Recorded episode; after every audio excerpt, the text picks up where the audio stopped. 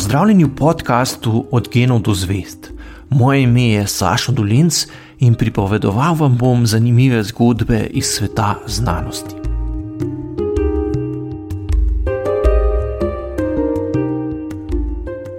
Živel imenitni in učeni gospod Janez Vajkart Valvazor, kraljeva družba te pozdravlja. S temi besedami je pred dobrimi 300 leti svoje pismo kranskemu znanstveniku začel slavni angliški astronom Edmund Halley, ki je le nekaj let predtem posredoval, da je Isaac Newton napisal eno najpomembnejših knjig v vsej zgodovini znanosti. Halley je bil izjemno pomemben član skupine angliških znanstvenikov, ki je v 17. stoletju postavila temelje moderne znanosti. Prelomno delo o matematičnih zakonih fizike, ki ga je napisal Isaac Newton in za katerega je stroške tiska iz svojega žepa plačal prav Heli, je išlo le nekaj mesecev pred tem, ko se je angliški astronom odločil napisati pismo baronu Valvazorju v takrat malo znano deželo Kransko. Tvoje pismo, preuzvišeni mož, ki si mi ga poslal 17. novembra 1687, sem takoj, ko mi je prišlo v roke, delil z našo kraljevo družbo in ne verjameš zlahka, kolikšno veselje in zanimanje je prevevalo člane, medtem ko se je bral pristen in natančen opis Cerkniškega jezera, katerega čudes so se vsi, ki so dosedaj pisali o njih, le po malem dotaknili in jih, ker so jih zaradi prezrtih okoliščin prepoznali za dvomljivo zadevo, predstavljali kot povsem nenaraven pojav. Sedaj pa sta tvoja delovnost in bistroumnost dosegli, da ni več skrito, iz česa se rojevajo te nenavadne igrice narave. Heli, ki je takrat opravljal naloge pomočnika tajnika kraljeve družbe, ene izmed prvih znanstvenih akademij, je v pismu podal tudi svoj komentar opisa delovanja Cerkniškega jezera. Valvazorja je prijazno opozoril tudi na težavo v razlagi pretakanja tekočine v jezeru in ga prosil za dodatne podatke. Na koncu ga je obvestil še, da so ga 14. decembra leta 1687 soglasno izvolili za člana kraljeve družbe. Tule je daljši citat iz pisma, ki ga je Valvazorju napisal Edmund Heli, prevedla pa Monika Deželak Trojar. Da ne bi namreč možje, ki smo vdani naši družbi in smo pretrpeli tolikšne napore pri pospeševanju naravoslovne znanosti, bili videti manj pravični presojevalci, se je družbi in članom zdelo pravično, da te zaradi tvoje zasluge sprejmejo v svojo vrsto, kar se je namreč zgodilo 14. minulega meseca z enodušnim glasovanjem prisotnih. In tako te pozdravljam kot člana kraljeve družbe in ti čestitam, zlasti še, ker si nedavne nesreče svoje hiše prizadevaš popraviti srečno poroko. Priložene imaš hvalilne verze k tvoji knjigi in če ti lahko ustrežemo še na kakšen drugačen način, boš spoznal, da sem ti vedno z veseljem na voljo za vsakršne usluge. Tvoj Edmund Heli. Valvazor je nekaj mesecev pred tem angleške kolege v pismu prosil, če bi mu lahko poslali nekaj verzov, ki bi jih objavil na začetku svoje slave vojvodine Kranske. Takole je zapisal: Največja milost bi bila zame, ko bi mogel imeti to milost od enega ali drugega ali od več članov kraljeve družbe, kakšno pesem hvalnico za svojo zgoraj navedeno knjigo, da bi se natisnila na začetku knjige, ker so podobne stvari v teh krajih zelo očislih, zato bi mi bila v veliko čast. Pri kraljevi družbi so njegovo prošnjo uslišali, zato so pismu, ki mu ga je poslal Heli, priložili nekaj verzov, vendar jih v slavi vojvodine Kranske ne najdemo. Zgodovinari zato sklepajo, da Valvazor verzov ni uporabil, ker pisma uglednega astronoma zaradi nezanesljivosti takratne pošte nikoli ni prejel. Na isti seji kraljeve družbe, ko so Valvazorja imenovali za svojega člana, je Heli napravil tudi poskus, s katerim je na osnovi Valvazorjevega opisa prikazal postopek praznjenja in polnjenja Cerkniškega jezera. Izvleček iz Valvazorjevega poročila o delovanju nenavadnega jezera so objavili tudi v decembrski številki znanstvene revije, ki so jo izdali. Valvazor si je začel s člani kraljeve družbe dopisovati konec leta 1685, ko je v glasilu družbe prebral članek, v katerem je Edward Brown omenjal idrijski rudnik živega srebra in nenavadno Cerkniško jezero, na katerem lahko v enem letu in na enem kraju ribariš, loviš in žanješ. V prvem pismu je izrazil navdušenje, da se učenjaki zanimajo za njegovo domovino Kransko in se ponudil, da čudesa svoje dežele bolj natančno opiše. Poleg tega, da se je podrobno predstavil in zaprosil še za članstvo v kraljevi družbi, je sporočil tudi, da je izdelal zemljevide Kranske in Hrvaške. V korespondenci s tajnikom kraljeve družbe je naslednje leto v London poslal risbe nekaterih mest in gradov ter topografsko karto svoje dežele, hkrati pa se je dogovoril, da bo napisal podroben opis Cerkniškega jezera. V pismih s tajnikom sta razpravljala tudi o čudežnem suhem orehu iz vasi Lokov na Krasu. Tajnik družbe mu je v odgovoru navedel nekaj podobnih primerov iz Anglije. V enem od naslednjih pisem so Valvazorju iz Londona poslali natančna navodila za izvedbo astronomskih opazovanj, da bi lahko določili razliko v geografski širini med Ljubljano in Londonom.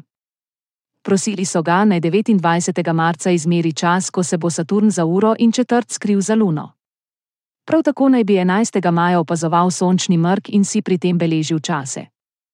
Žal Valvazor meritev ni opravil morda ga pismo ni doseglo pravočasno ali pa je bil zadržan zaradi tragičnih dogodkov, ki so ga tisto leto doleteli.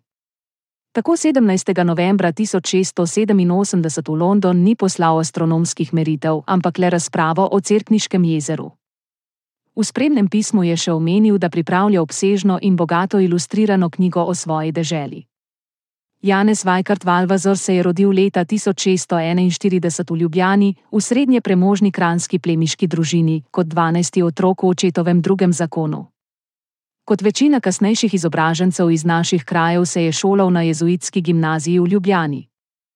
Pri 11 letih je izgubil očeta, pri 16 pa mu je umrla še mati. Dediščina, ki jo je dobil po starših, je kot kaže zadostovala za to, da se je lahko še pred 20 letom odpravil na mladostno potovanje po Evropi. Takšna pot je bila za mlade plemiče dokaj običajna, le da je pri večini trajala bistveno manj časa kot pri Valvazorju. Tujem je bil s kratkimi umestnimi obiski doma skupaj kar 14 let. Obiskal je mnoga evropska mesta in celo sever Afrike, kar mu je omogočilo, da je dobro spoznal tako naravne znamenitosti kot tudi družbo tistega časa.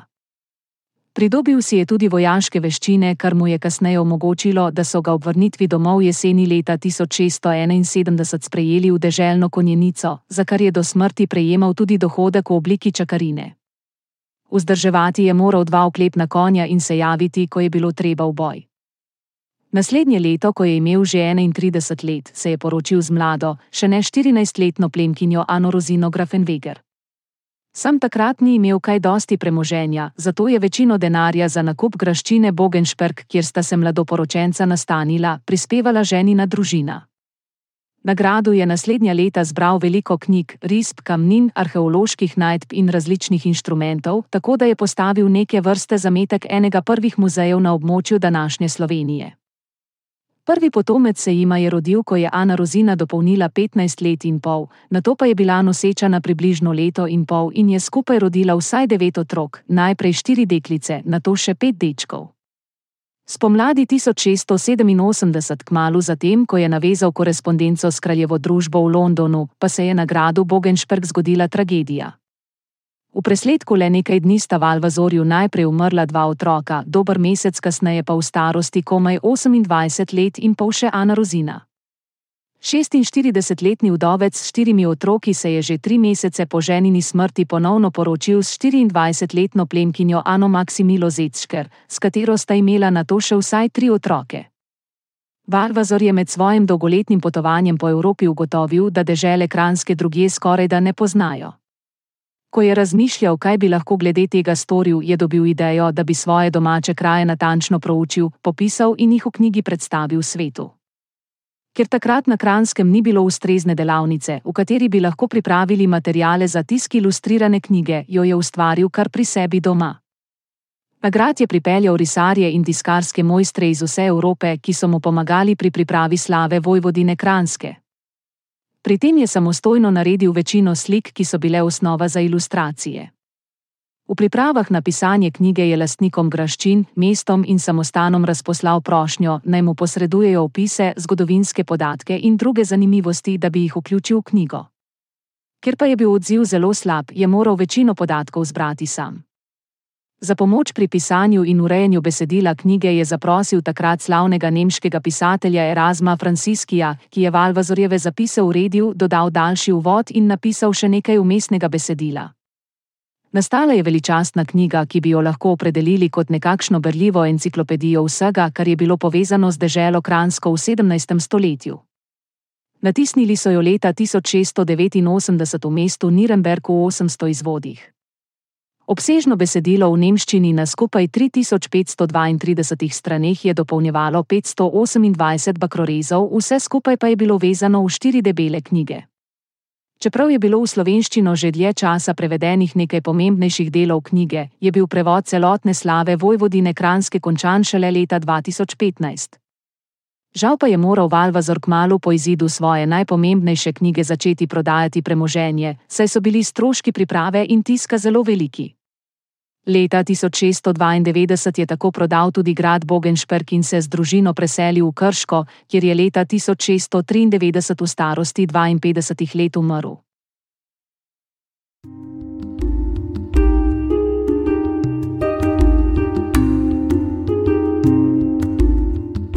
To je bil podcast Od genov do zvest.